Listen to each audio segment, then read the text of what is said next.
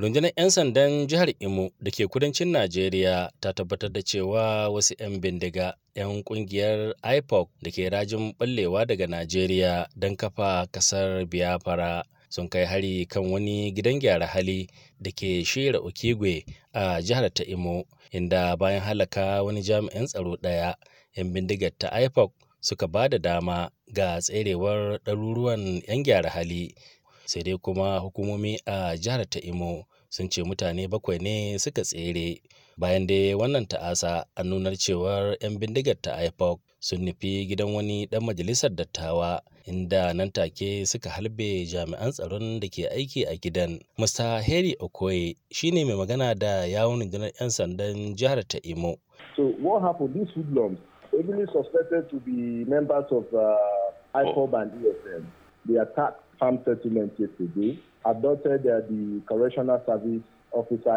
Yana cewa ne gidan gyara halinka na jihar Imo na da wani gida na wucin gadi a garin Okegwe. Akwai kuma wata kwatafariyar gona da suke aiki inda nan ne 'yan bindiga suka kai hari inda kuma akalla mutane bakwai ne suka tsere. bayan kuma yin awon gaba da wasu jami'ai da ke gidan yarin tabbas muna zargin 'yan ƙungiyar nan ta ipoc da yin awon gaba da dimbin makamai da kuma harsasai ko da yake dai cikakken bayani ya kamata ya fito ne daga jami'an gidan gyara hali domin sanin yawan makamai da kuma harsasai da 'yan bindigar suka kwashe.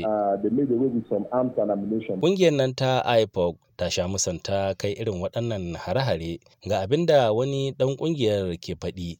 IPOC members uh, uh, have been alleged to be behind the attackers of Imo State Prison.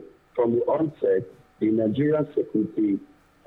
Wannan yana cewa ne sunana Cina so Nwachukwu. A matsayinmu na cikakkiyar 'yan ƙungiyar ipoc na sani cewa akwai tsana ta musamman tsakaninmu da jami'an tsaro. Domin kuwa duk wani abu da ya faru sai ka ga an zargi cewa mu ne muka kai hari. Kuma ina ganin yin haka bata muna suna ne a gida da wajen najeriya. Not just in Nigeria, but to the international community. masu sharhi akan al'amuran yau da kullum sun ba da shawara da kada a yi wasa da irin waɗannan hare-hare. Dr. Abdulkadir Suleiman Muhammad na Jami'ar Abuja mai sharhi ne akan al'amuran yau da kullum. Wato abubuwan da ya faru ba abu ne da yanzu ne ya taɓa faruwa ba. Gwamnatin Najeriya ya kamata ta tashi a tsaye wajen daƙile waɗannan mutane a ta gari a cikin al'umma domin barinsu da aka yi tun suna ƙananan har suka gawurta suna iya kai hari ga jami'an tsaro in ba a tashi a tsaye ba za su iya faɗaɗa ayyukansu zuwa wasu ɓangarori domin sun samu makamai da za Shanin balle gidan gyara hali dai a Najeriya ba wani sabon abu ba ne a shekarar 2021 'yan bindiga dai sun fasa gidan gyara hali na jihar ta Imo inda suka yi jallin fitowar mutane 1,844 inda kuma har kawo yanzu ba a kai ga kama su ba. Lamido Abubakar Sakkwato, muryar Amurka daga Fatakwal, Najeriya.